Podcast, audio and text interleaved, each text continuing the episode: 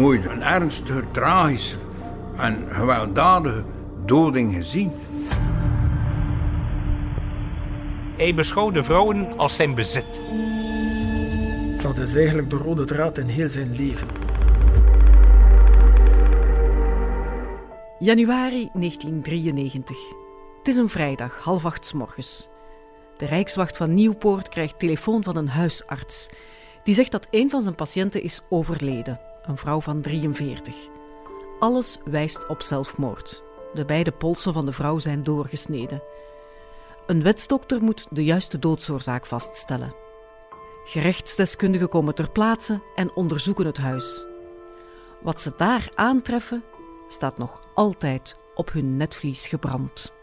Je luistert naar het derde seizoen van De Kroongetuigen, een podcast over moord in Vlaanderen. Dit is De Fatale Jaloezie.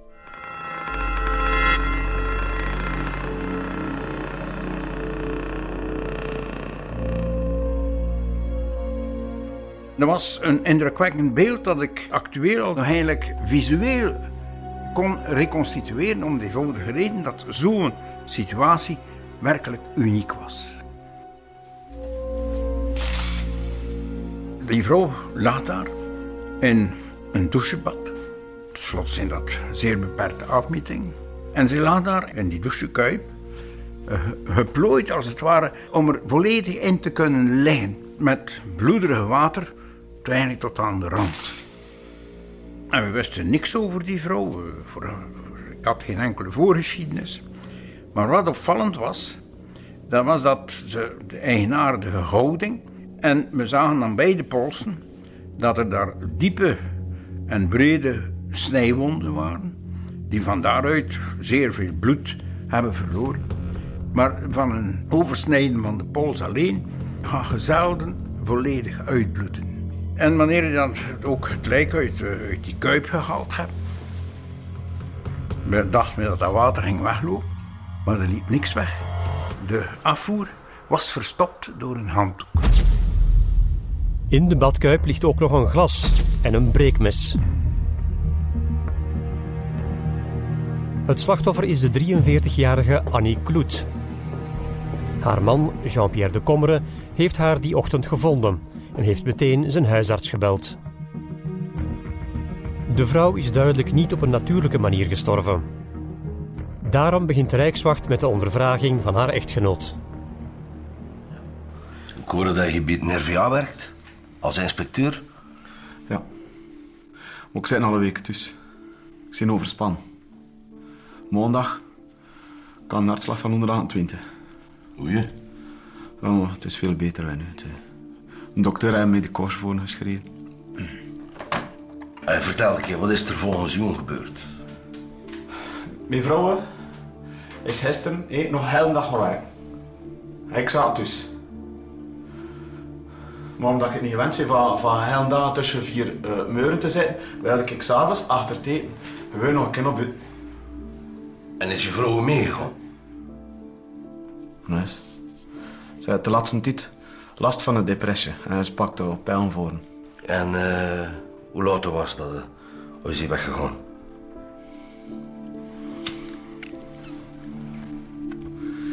Na het noof. Ja, na het noof, zo wat.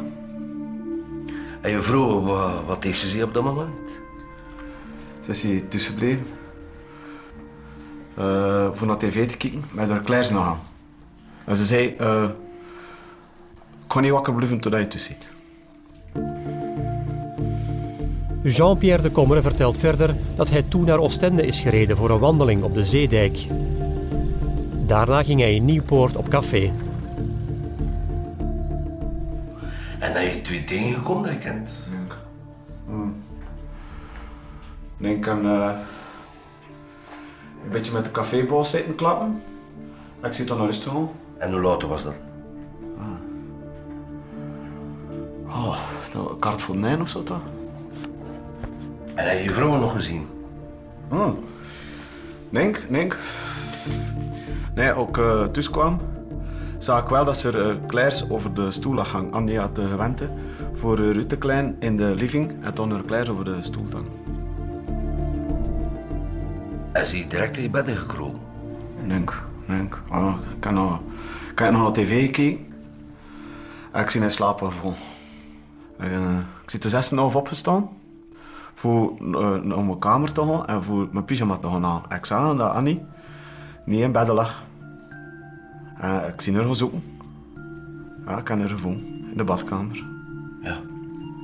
Dood, hè.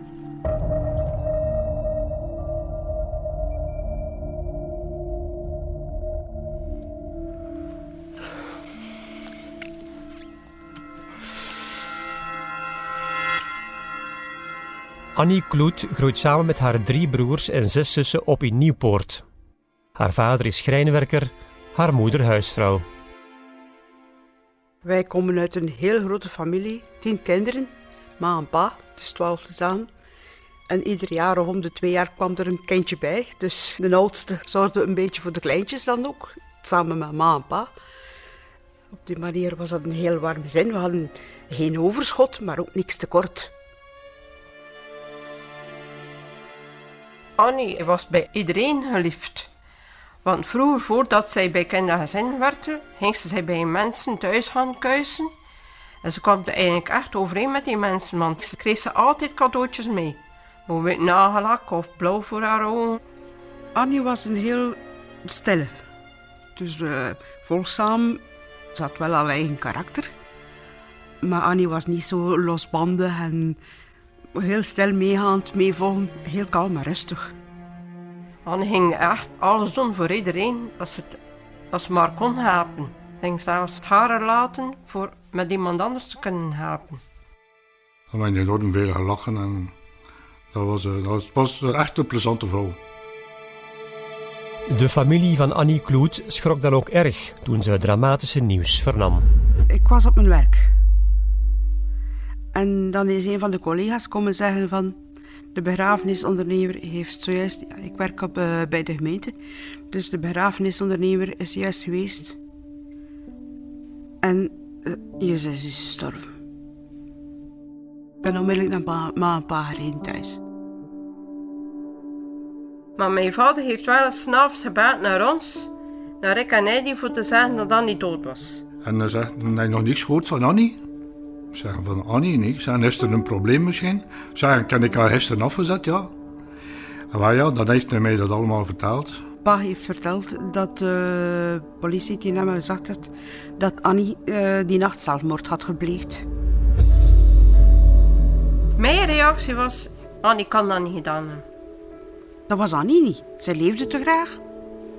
Als je kon plezier maken met Annie, wel, ze was er altijd als de kippen bij om de eerste te zijn om duniterij uit te steken en dergelijke meer. Mijn man had haar thuis afgezet en nog zoveel pret gehad die dag op haar werk. Dat was er geen probleem die dag, dat weet ik nog heel goed. En zeker niet in die zin dat Annie dan zelfmoord zou gepleegd hebben. En pa geloofde het ook niet. Ma zat te diep. Dat ze zegt van, ik begrijp het ook niet, maar zij wilde het nog aanvaarden, maar pa zei onmiddellijk nee. Mijn vader heeft ook altijd gezegd, Annie heeft geen zelfmoord gepleegd. Jean-Pierre zit er daar voor iets tussen.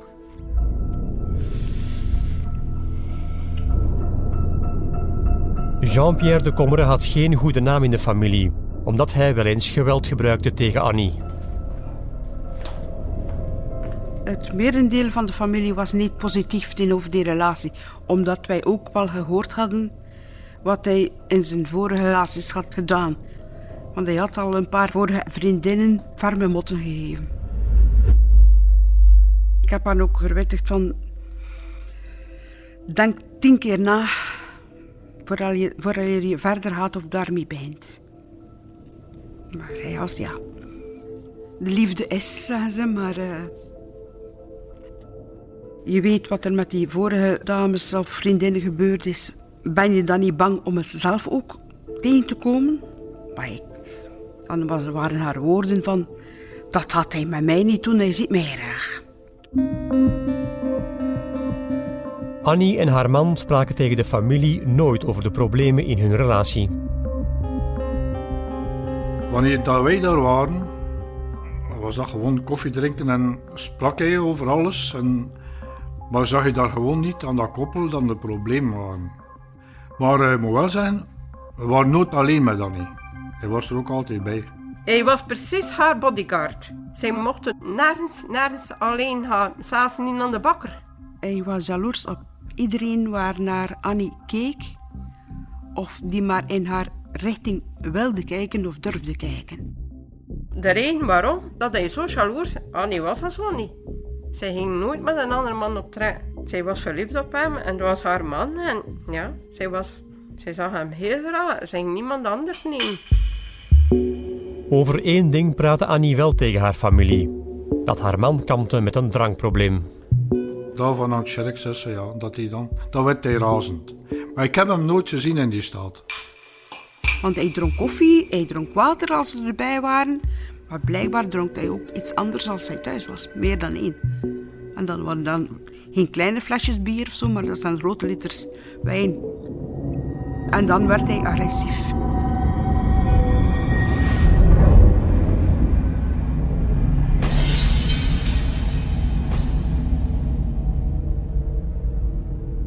Ik zelf heb nooit iets gezien dat hij iets aan haar deed.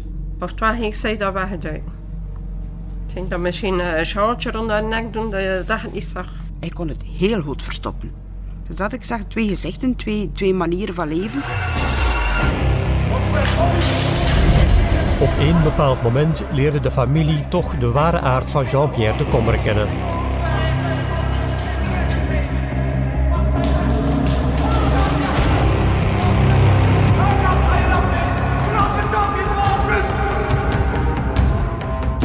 Was Annie gaan halen bij hen thuis. Dat hij de boel en haar ook slag had gegeven en de boel kort en klein had geslagen.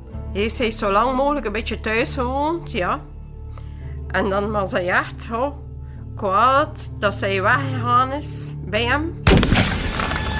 Dan heeft hij uit jaloeziteit met een ge- geweer genomen en dan heeft hij in de vooruit van mijn ouders huis geschoten, s'nachts. De familie Kloet doet uiteindelijk geen aangifte bij de Rijkswacht. Annie trekt na het incident terug in bij haar man. Ze is zo dikwijls verslegen geweest en toch, toch bij hem blijven. Hè. Dat, was, dat wij ook zijn, Annie, je trapt het af, doe dat toch niet. Ik heb haar gezegd als er problemen zijn. Ik woon daar, trek dan mijn bel om welk uur van de nacht ook. Nee, zegt ze, jij zit met een klein kindje. Ik wil niet dat er aan dat kindje gebeurt. Haar eerste gedachte was altijd die ander beschermen. Ze ging nooit bij hem gaan uit schrik dat hij ons, ging, ons iets ging aandoen. En zij is toch teruggegaan. De broers en zussen van Annie Kloet zijn bezorgd over wat er zich in het gezin afspeelt, maar gaan toch niet naar de politie.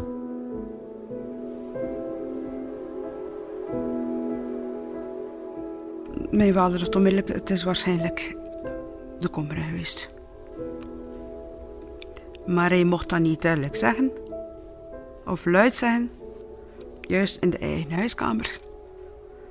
Anders kon hij voor zelf voor een probleem krijgen. Omdat ze iemand vals beschuldigen, hè. Zolang er geen bewijzen zijn. In het onderzoek naar de dood van Annie Kloet is er ondertussen een tweede wetsdokter opgeroepen. Omdat niet duidelijk was hoe de vrouw om het leven gekomen was, werd dan toch een autopsie uitgevoerd. Eerst en vooral onderzoeken de experten grondig de snijwonden aan de pols. Die sneeuwwonden waren links minder diep dan rechts. Er waren enkele pezen doorgesneden en aan beide kanten waren er ook enkele aders doorgesneden, maar geen slagaders. Dus we hebben verder gekeken naar een andere doodsoorzaak en die hebben we toen ook gevonden. De longen waren duidelijk uitgezet. De wetsdokter besluit daarom dat Annie is gestorven door verdrinking. Dat wordt later bevestigd door het toxicologisch onderzoek. Daar hebben we vastgesteld dat er dus twee van sedatieve of kalmerende producten in dat glas dat ze s'avonds gedronken had aanwezig waren. En men heeft ook in het lichaam de dosis daarvan vastgesteld, maar niet in een volume dat de dood kon veroorzaken. De experten zijn het eens. De vrouw is verdronken. En ze kan de verwondingen aan haar polsen zelf hebben toegediend. Het misdadenopzet van derden kon niet aangetoond worden. Algemene conclusie is, ze heeft zelfmoord gepleegd. Maar er was een van die afstappingen voor een zelfmoord. waar dat we toch niet zo gemakkelijk besloten naartoe. Dat is iets dat me nooit... Zoiets heb ik nooit maar eenmaal gezien in mijn loopbaan.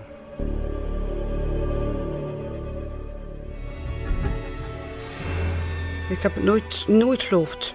Dat, het kon niet. En ook de manier waarop. De familie van Annie denkt dat haar echtgenoot, Jean-Pierre de Commere, iets met haar dood te maken heeft. Na hetgeen er vooraf al gebeurd was, de keer dat hij haar heeft bont en blauw geslagen, zijn hele huishouden kapot gemaakt. De Commere verklaart aan de Rijkswacht dat hij s'nachts was uitgegaan. En dat blijkt te kloppen. Met het uur van overlijden kon er aangenomen worden dat hij inderdaad op vermaakuitstap was, terwijl zij, of op het ogenblik dat zij overleden was. Bovendien vindt de Rijkswacht geen aanwijzingen van huiselijk geweld. Alles wees en ja, dat een zelfmoord uh, meer dan waarschijnlijk was. Na de autopsie wordt het lichaam vrijgegeven en kan de familie afscheid nemen. Maar de nabestaanden blijven met een wrang gevoel achter. Alle familieleden zijn aanwezig op de begrafenis. Ook Jean-Pierre de Commere. Hij stond daar bij de kist. Hij zat te schreeuwen en allemaal. Ik zie hem nog staan bij de kist, bij de begrafenis. Helemaal alleen. Want wij wilden niet erbij staan. En hij was toch zo de dupe. Hij was in de steek gelaten, zijn vrouw had zelfmoord gepleegd. Hij was ja, het grote slachtoffer van iedereen. Toneelspelen, zeg ik daartegen. Hij kost toch goed, toneelspelen. Maar uh, achteraf heb ik hem niet meer gezien. En hij heeft geen contact meer opgenomen met ons ook. Het dossier wordt geclasseerd. De Kommeren neemt de draad van het leven weer op. In alle anonimiteit.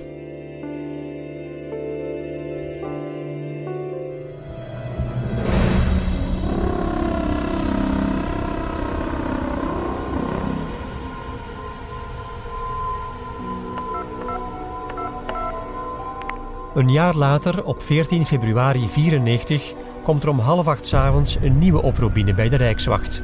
Voor weer een incident op hetzelfde adres. Een patrouille van de Rijkswacht Nieuwpoort wordt ter plaatse gestuurd. En daar vernemen ze dat de vrouw vanuit het raam van de tweede verdieping eh, naar beneden was gevallen. Dat dat waarschijnlijk eh, als oorzaak had een echtelijke ruzie waarbij dat de verdachte Jean-Pierre de Combere zou zijn. Ze komen bij de dame in kwestie. Die dame ligt daar in een soort uh, gehurte houding. Een, een, been onder het lichaam. Uh, heeft hevige pijn. En ze vragen haar, ja, wat is er gebeurd precies? Is Jean-Pierre daarvan de oorzaak? Waarop ze antwoordt, ja, hij wilde mij dood. De vrouw, Greta, is de nieuwe vriendin van Jean-Pierre de Commere.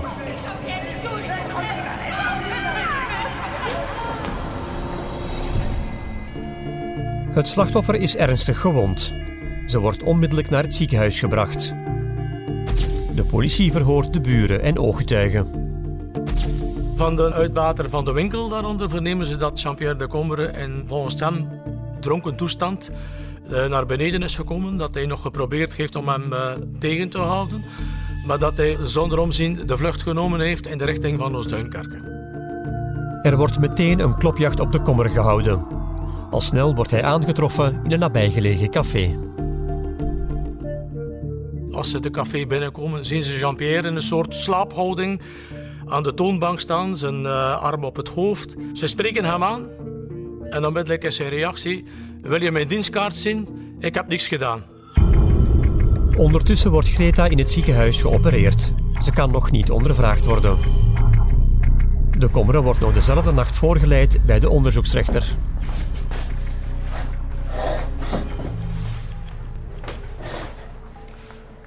Het Jean-Pierre.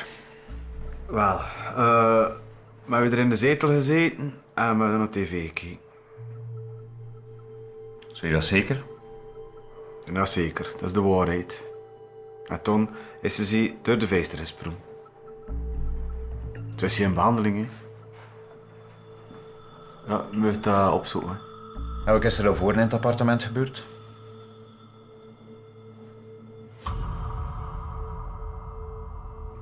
Zou je wel antwoorden op de vrouw, Jean-Pierre? Je weet dat je niet de enige zit in dat gebouw woont? Ja, zij is die door de veester gesprong. Vraag je dat er daarvoor in het appartement gebeurd is. En ik kan haar proberen tegen te doen. En de vraag is wat er daarvoor gebeurd is in het appartement. Ja, maar ik kan haar proberen tegen te doen, echt.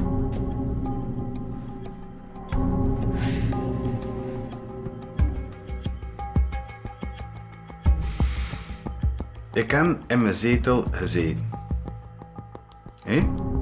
En op een gegeven moment, om met een keer, zegt ze ziet tegen mij, je ziet je niet haar. Ik heb haar gezegd dat dat geen woord was. Kijk, ik kan nu nog proberen te doen als ze door de vijster wilde springen. Maar ze ziet door de vijster gesprongen. Daar kan ik hier niks te verbergen, nee. Greta is intussen geopereerd en geeft aan de speurders haar versie van de feiten. Jean-Pierre de Commere en Greta van der Maas hebben elkaar leren kennen in een psychiatrische instelling in Oostende. Jean-Pierre zegt daarover dat hij opgenomen geweest is omwille van het feit dat hij eh, in depressie geraakt was door het eh, zelfmoord van zijn eh, echtgenote. Dat ze nadien een relatie begonnen zijn. En dat Jean-Pierre haar op die 14 februari in de loop van de namiddag was gaan afhalen in het ziekenhuis. Dat ze samen nog wat gedronken hadden onderweg. En dan zijn ze iets wat tegen haar wil uiteindelijk in het appartement van Jean-Pierre de Commere terechtgekomen. Daar zou Jean-Pierre nog alcoholische drank verbruikt hebben. En is hij een discussie aangegaan met haar. En maakte hij haar het verwijt uh, dat ze hem niet graag zag. Dat zij met hem de zot hield. Dat ze naar andere mannen keek. Uh, dat ze hem niet wilde voorstellen aan de familie. Hij zou haar ook geslagen hebben tijdens die discussie. Haar bij de haren getrokken hebben. De onderzoekers confronteren de Kommeren de volgende ochtend met deze verklaringen. Hij blijft staalhard ontkennen. Jij hebt dus ruzie gemaakt met u? Nee. Nee. Het is omgekeerd. Greta is ruzie bij een maat met min. Ze zei dat ik niet serieus worden over us. En ze zei dat ik de hele dag op de bonen worden, dus dat ik ook kozen genoeg aan. Kozen voor wat? Maar voor vrouwen, tja. Als redens voor dat te pezen? Nee. Nee? Ik heb gezegd dat ze absoluut geen reden had voor aan min te twijfelen. Maar ze blijft zich maar deuren. Maar ah, je ziet me niet haar, ah, je ziet me niet haar. Greta verklaart dat ze geen ruzie wilde maken en naar buiten wilde om een taxi te nemen. Maar de kommer greep haar vast en gooide haar op de grond.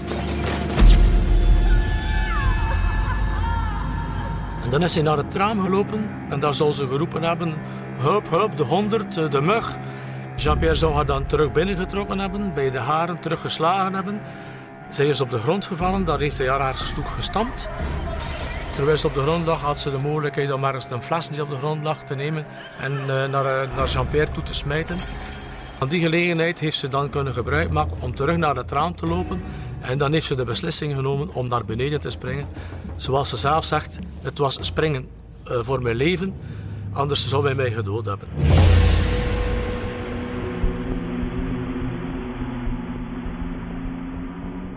Ja, zij moet die bedreiging dat hij geuit heeft, als werkelijk als levensbedreigend uh, ondervonden hebben. Uh, want die springt zomaar niet twee verdiepen naar beneden.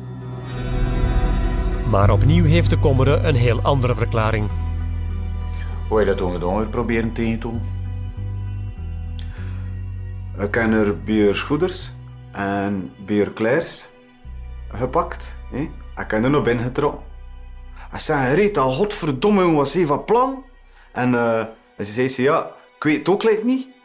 En drie minuten later springt ze zich weer rechten en ze vliegt naar de vijster. Hij is toen nog een beetje open. Ja, ik kan het proberen tegen doen, maar ik kwam te laat. Je hebt er niet geduwd? Nee, in tegendeel. Waarom zit je weggelopen? Ik weet niet. Ik panikeerde. Nou, ik. De kommer houdt vol dat Greta zelf uit het raam sprong. Later zal blijken dat hij 2,8 promille in zijn bloed had. En dat Rita van der Maas eh, totaal eh, geen alcohol, dat dat eh, negatief was.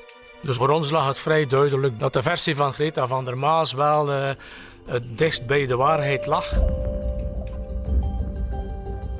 De Kommeren wordt uiteindelijk veroordeeld tot een gevangenisstraf van twee jaar. Maar omdat hij nog een blanco strafblad heeft, wordt die straf omgezet in een voorwaardelijke celstraf. Hij blijft op vrije voeten. Opnieuw verdwijnt hij van de radar. Jean-Pierre de Combre uh, hebben wij ervaren als iemand die vrij bezitterig is tegenover van zijn, van zijn levensgezel of zijn partner. En die tot veel in staat is om dat niet kwijt te spelen. En dat hij dat in een nieuwe relatie weer tot geweldplegingen zou komen, uh, was uh, zeker niet denkbeeldig op dat ogenblik.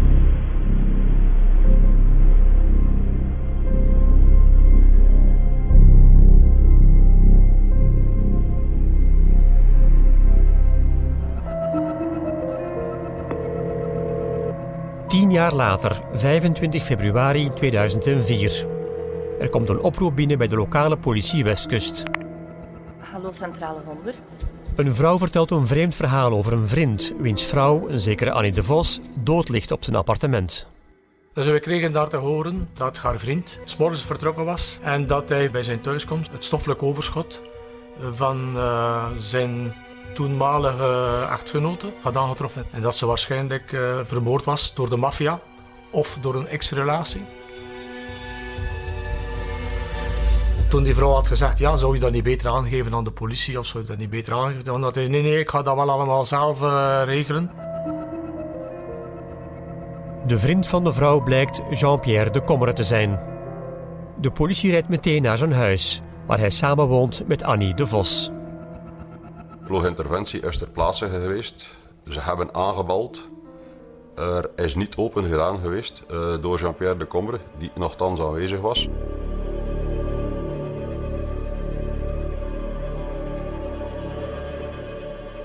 Dan heeft men een slotenmaker gevorderd. Jean-Pierre de Kommer is dan naar de deur gegaan, heeft de deur geopend. Volgens die vaststelling uh, stond hij een beven op zijn voeten. Uh, was helemaal in de war. Men heeft dan gevraagd waar Annie de Vos was. En dan hebben ze het stoffelijk overschot van Annie de Vos aangetroffen tussen de overgang van de slaapkamer naar de hang.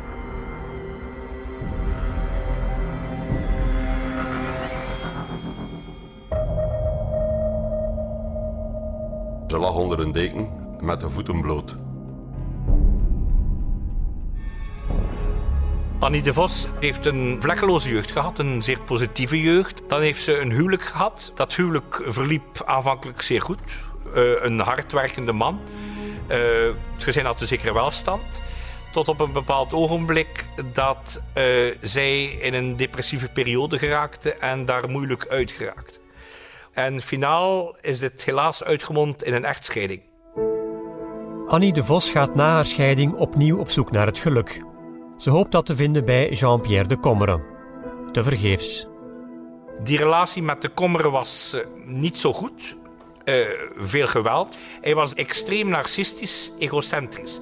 Hij beschouwde vrouwen als zijn bezit. Eenmaal wel men bij hem op de bank zat, was men zijn bezit. Toch houdt Annie deze relatie twee jaar vol. Ze heeft via een vriendin laten te kennen geven dat ze niet meer zo gelukkig was bij de kommeren en er wel eens aan dacht om mogelijk weg te gaan. En misschien is dat daar ook wel wat fataal geworden. Het einde van haar relatie werd meteen ook het einde van haar leven. Een gruwelijk einde. Bij het betreden van het appartement hadden de mensen van de lokale politie, die eerst ter plaatse waren, uh, dus onder een uh, deken, een, ja, twee voeten zien zitten. Uh, die hadden ook een arm gezien. Pas wanneer de agenten het deken opheffen, zien ze dat het lichaam onthoofd is. En het hoofd is nergens te bespeuren. Onmiddellijk komt er een wetsdokter ter plaatse. Er was een decapitatie, een onthoofding.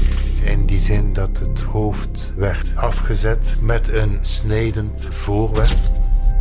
De vrouw was al in een beduinde ontbindingstoestand. De dader heeft ook de onderste ledematen proberen te verwijderen. En achteraf heeft men dan vernomen dat de beschuldigde zowel een ijzerzaag als een takkenschaar heeft gebruikt om tracht de benen te verwijderen. Elf jaar na de zelfmoord van zijn eerste vrouw en tien jaar na de mishandeling van zijn toenmalige vriendin wordt Jean-Pierre de Commere opnieuw verhoord. Hij heeft al die jaren alle schuld van zich afgeschoven. Maar deze keer praat hij vrij uit. Tijdens het eerste verhoor heeft Jean-Pierre de Kommer aan onze collega's dus medegedeeld dat Annie de Vos hem wilde verlaten en dat hij daar niet overweg mee kon. Bon. Hij had dus gehoord dat Annie weer bij haar niks wilde gaan wonen. En toen? Ik kom thuis. Ik zie dat ze klairs aan het verzamelen is. Ze is dat in een sportzak aan het steken. Ik zie kwaad horen, hè. Ja, ik hoorde me nooit dat ze me ging verlaten voor een ander. Wat is daar zo van? Na een ruzie zijn zij alle twee gaan slapen. Hij heeft dan gewacht totdat, uh, totdat zij goed sliep. Dan is hij in de kamer ernaast een hakbijl gaan halen. En uh, dan heeft hij haar eenmaal hard op het uh, dak van het hoofd geslagen. Waardoor dat de bijl in uh, schedel bleef steken. Ondertussen waren de buren komen aankloppen om te vragen of er iets was. Hij heeft dan uh, de zaak geanceneerd dat ze een migraineaanval had en dat alles in orde was. Dan heeft hij Annie bij de voeten genomen, uit het bed gesleurd, tot aan de kamer ernaast. Ondertussen had hij ook een hoofdkussen genomen om het onder het hoofd te leggen om het bloed wat op te vangen die uit de wonden stroomde. Als hij dat gedaan heeft, is hij dan op zijn gemakje terug naar de living geweest, heeft iets gegeten en is in zijn bed gekropen.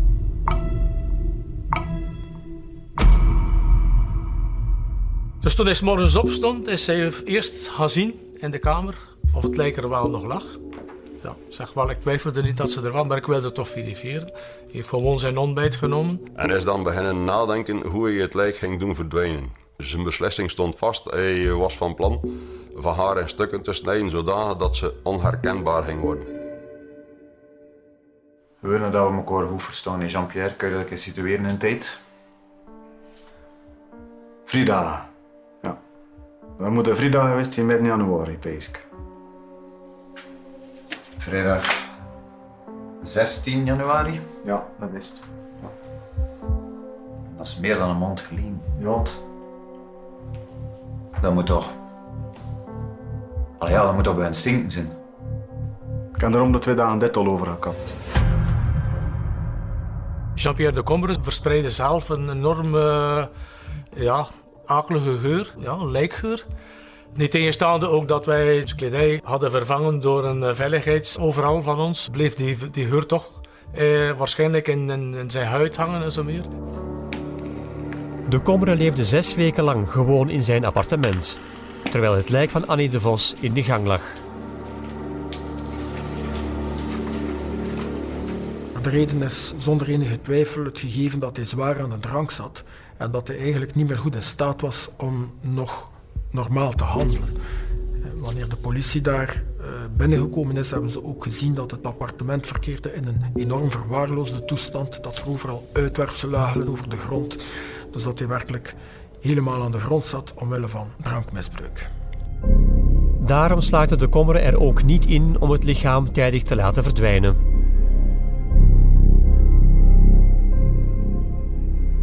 Was je een plan om het lichaam te doen verdwijnen? Ja. Ik zit vast met haar hoofd. Wat heb je dat gedaan? Met een schermes. Van mijn grootvader. Een vlijmscherp mes, maar ik heb uh, toch nog redelijk veel moeite gehad. De Commere legt tijdens zijn verhoor en ook later tijdens de reconstructie tot in het kleinste detail uit hoe hij het hoofd van de romp heeft verwijderd. Dat hoofd heeft hij dan in plastic zakken geplaatst. Die plastic zak heeft hij dan, de, dat was de zondag dan, de zondagmorgen, in de auto geplaatst. Dan is hij met zijn wagen vertrokken naar Veuren om zijn moeder te gaan bezoeken, die daar in het rusthuis verblijft. En onderweg heeft hij het hoofd gedumpt in de openbare vuilnisbakken. De vuilbakken zijn intussen leeggemaakt. Het hoofd van Annie is op die manier terechtgekomen in de verbrandingsoven en is dus nooit teruggevonden. Tijdens de wedersamenstelling heeft hij dan uiteindelijk toegegeven, in plaats van eenmaal te hebben geslagen met de belt, dat hij twee tot driemaal heeft geslagen. Dus blijkbaar was hij na de eerste slag, in de overtuiging dat het slachtoffer overleden was, is hij naar de, naar de woonkamer gegaan. Blijkt op dat ogenblik dat zij een kermend geluid maakt. En dan zou iemand uit het appartementsgebouw kwam aanbellen om te vragen wat er aan de hand was. Uh, de kommer heeft daar direct aan de deur afgescheept. Om te zeggen, maar het is niks. Uh, Annie heeft een aanval van migraine. Dus de dame verdwijnt terug en dan maakt hij zijn werk af door nog twee bijlslagen, waarbij de laatste bijlslag dermate treffend is dat hij hem er niet zomaar uit krijgt, er werkelijk dat hij hem er moet uitwringen.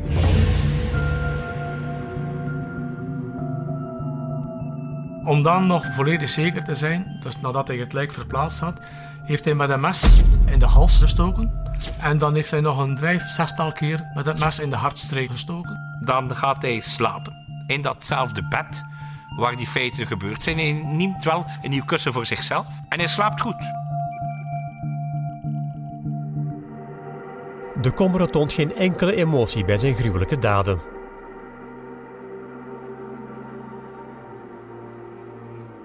Tijdens de verhoren is er geen enkele vorm van spijt of brouw vastgesteld geweest, uh, zelfs tijdens de wedersamenstelling. Ik heb nooit een ernstiger, tragischer en gewelddadige doding gezien.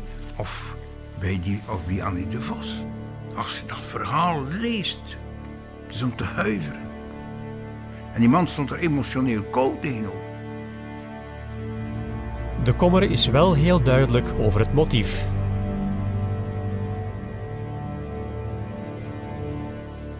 Hij zegt, ik ben een beetje jaloers.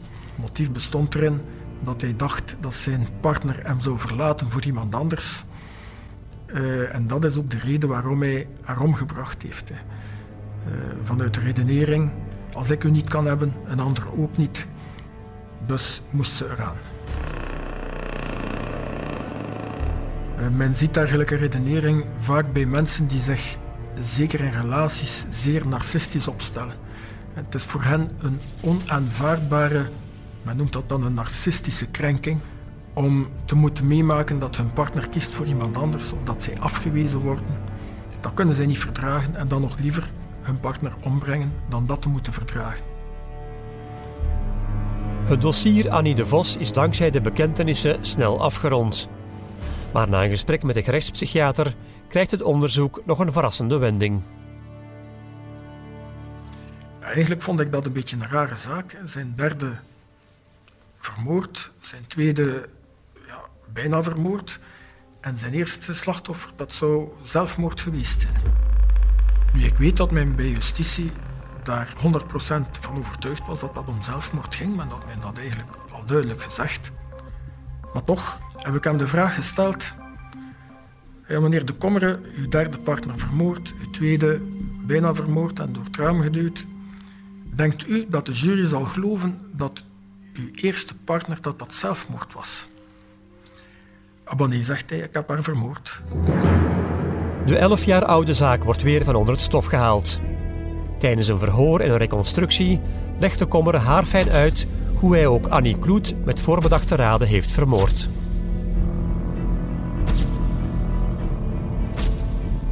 Op een bepaalde avond had ze hem te kennen gegeven, als het zo verder ging, dat ze hem zou verlaten. Dan heeft hij onmiddellijk ja, de klik gemaakt, ja, als dat zo is, uh, maak ik u van kant.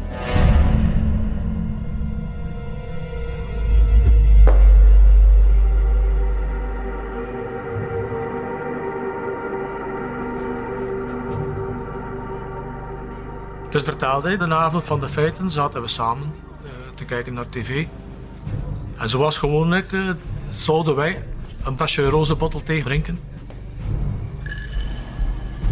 Maar de Komre zet die avond geen gewone thee. Hij gooit zeker 15 slaappillen in de tas van Annie.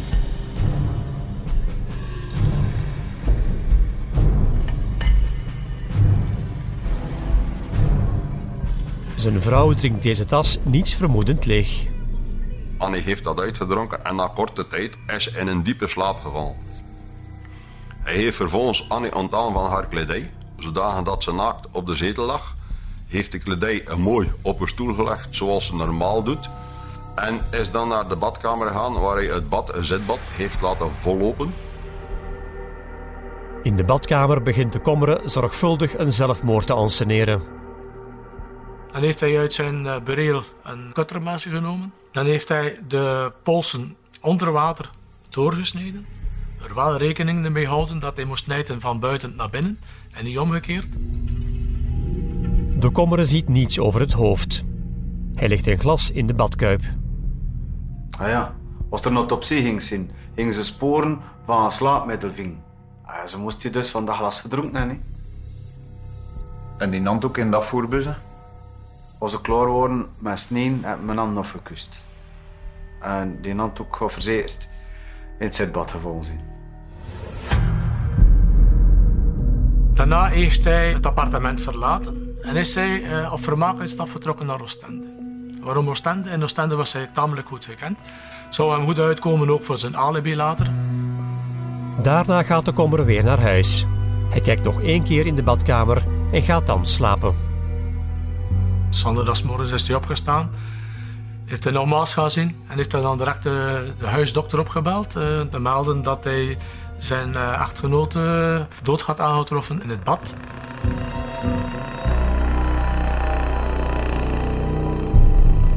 Over het motief voor de moord op Annie Kloet bestaat geen twijfel. Ja, het motief voor de eerste feiten was identiek hetzelfde als het motief voor de laatste feiten. Dat is eigenlijk de rode draad in heel zijn leven. Het is een man die in relaties zeer bezitterig is, zeer jaloers is, die niet kan verdragen dat zijn partners contact hebben met andere mensen, die zijn partners totaal trachten te isoleren van de buitenwereld. Ze zijn alleen voor hem. Voor de onderzoekers die destijds de dood van Annie Kloet onderzochten, is de plotse bekentenis van de Kommeren een totale verrassing. Dat was zeer, zeer verrassend. Je kunt over dat onderzoek in 1993 en eh, met de stand van de technieken op dat moment, is dat eigenlijk ja, een perfect onderzoek tot in de details dat we konden voeren om tot het besluit te komen. De meest probabele oorzaak is hartdoding. Onderzoekers hebben dat ook niet licht genomen. Die kan je geen steen werpen volgens mij. De perfecte moord bestaat. De Kommere heeft hem gepleegd op Annie Kloet. Had hij geen tweede moord gepleegd, dan was het nooit uitgekomen. En daarvan huiver ik.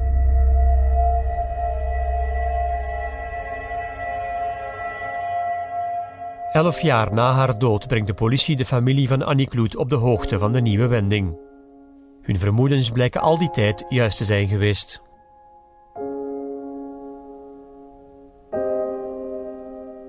Met de maatschappelijke assistent ben ik zelf naar de vader geweest om dat mede te delen. En op het ogenblik dat hij vernam dat zijn dochter in feite vermoord was, was dat een opluchting voor die mens. Mijn heren zei, ik ben blij, na elf jaar, dat ik nu weet hoe het in elkaar zat. Ik heb nooit kunnen geloven, zegt hij, dat mijn dochter zelfmoord heeft gepleegd. Voor mij was dat een opluchting dat wij wel ons gelijk gehaald hebben. Belangrijk wel aan de ene kant, maar aan de andere kant nee. Omdat we haar toch kwijt zijn. Hè? Waarom dat hij dat feitelijk gedaan heeft met Annie, het is niet, niet bereikbaar. En onze enige gedachte was van... Alsjeblieft, laat hem daarvoor gestraft worden. En hoe gestraft. Op 7 december 2007 begint in Brugge het assiseproces tegen Jean-Pierre de Kommeren. Hij is dan al 60 jaar. Ik zie hem dan nog zitten. Heel relaxed bij manier van spreken. En achteraf heeft hij nog een keer gezegd in de familie Sorry voor alles wat ik heb gedaan, ik heb er spijt van. Wat is dat waard voor de die daar blijft zitten? Met al die vragen en al die miserie. Niks. In mijn toonloon. Ik herinner mij de kommer op het proces als een zeer cool, uitermate beleefd, voornaam iemand. Eigenlijk zoals hij ook op straat gekend was, de RVA-inspecteur. Dat was ook tijdens het proces zo, waar hij op een zeer formele manier in orde was, maar inhoudelijk voelde je een zeer grote inhoudelijke armoede. Je voelde dat die uitgedrukte spijt er kwam op de momenten dat het moest. Je zag geen oprechte emotie bij de kommer. Het was allemaal gespeeld, formeel in orde, maar inhoudelijk zielig en arm. Op 14 december 2007 wordt de kommer veroordeeld tot levenslang. Dat was een opluchting. Ja, dat, dat verdiende hij. Ja. Minder niet. Je kan geen ander leven meer uh, kapot maken. Jean-Pierre de Kommere pleegde bijna de perfecte moord. Elf jaar lang kon hij uit de handen van het gerecht blijven. Al die tijd beschouwde hij vrouwen als zijn bezit, zijn eigendom. Hij was ziekelijk jaloers. Door zijn buitensporige drinkgedrag maakte hij uiteindelijk fouten. Hij is op zijn 68ste gestorven in de gevangenis van Brugge. Dit was De Fatale Jaloezie uit het derde seizoen van De Kroongetuigen, een podcast gebaseerd op de gelijknamige televisiereeks. Beluister ook onze andere waargebeurde misdaadverhalen op hln.be, in de HLN-app of via de andere podcastkanalen.